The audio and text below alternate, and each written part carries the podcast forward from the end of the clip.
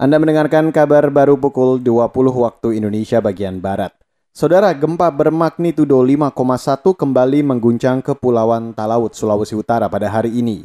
Badan Meteorologi, Klimatologi, dan Geofisika atau BMKG menyatakan gempa terjadi sekitar pukul 17 lewat 45 waktu Indonesia bagian Barat yang berpusat di 124 km timur Laut Melonge.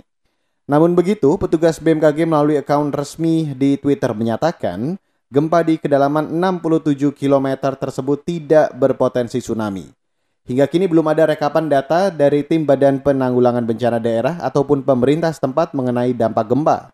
Kemarin, Kepulauan Talaut sempat diguncang gempa magnitudo 7,0. Gempa ini juga berpusat dari titik yang serupa yakni timur laut Melaunge, Sulawesi Utara. Beralih ke informasi selanjutnya, saudara pemerintah menyiapkan pelatihan untuk para penceramah guna mengantisipasi potensi munculnya ekstremisme. Hal ini tertuang dalam peraturan presiden tentang ekstremisme.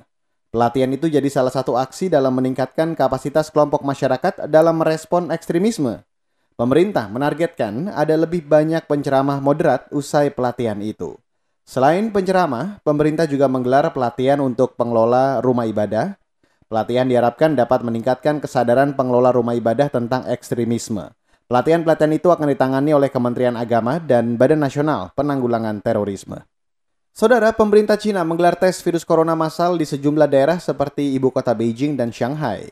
Itu dilakukan setelah ada lebih dari 100 kasus COVID-19 harian selama beberapa waktu terakhir.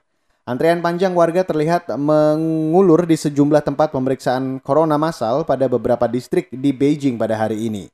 Antrean sepanjang lebih dari 200 meter terlihat mengular di luar sekolah dasar Deng Sikou yang menjadi salah satu tempat tes massal.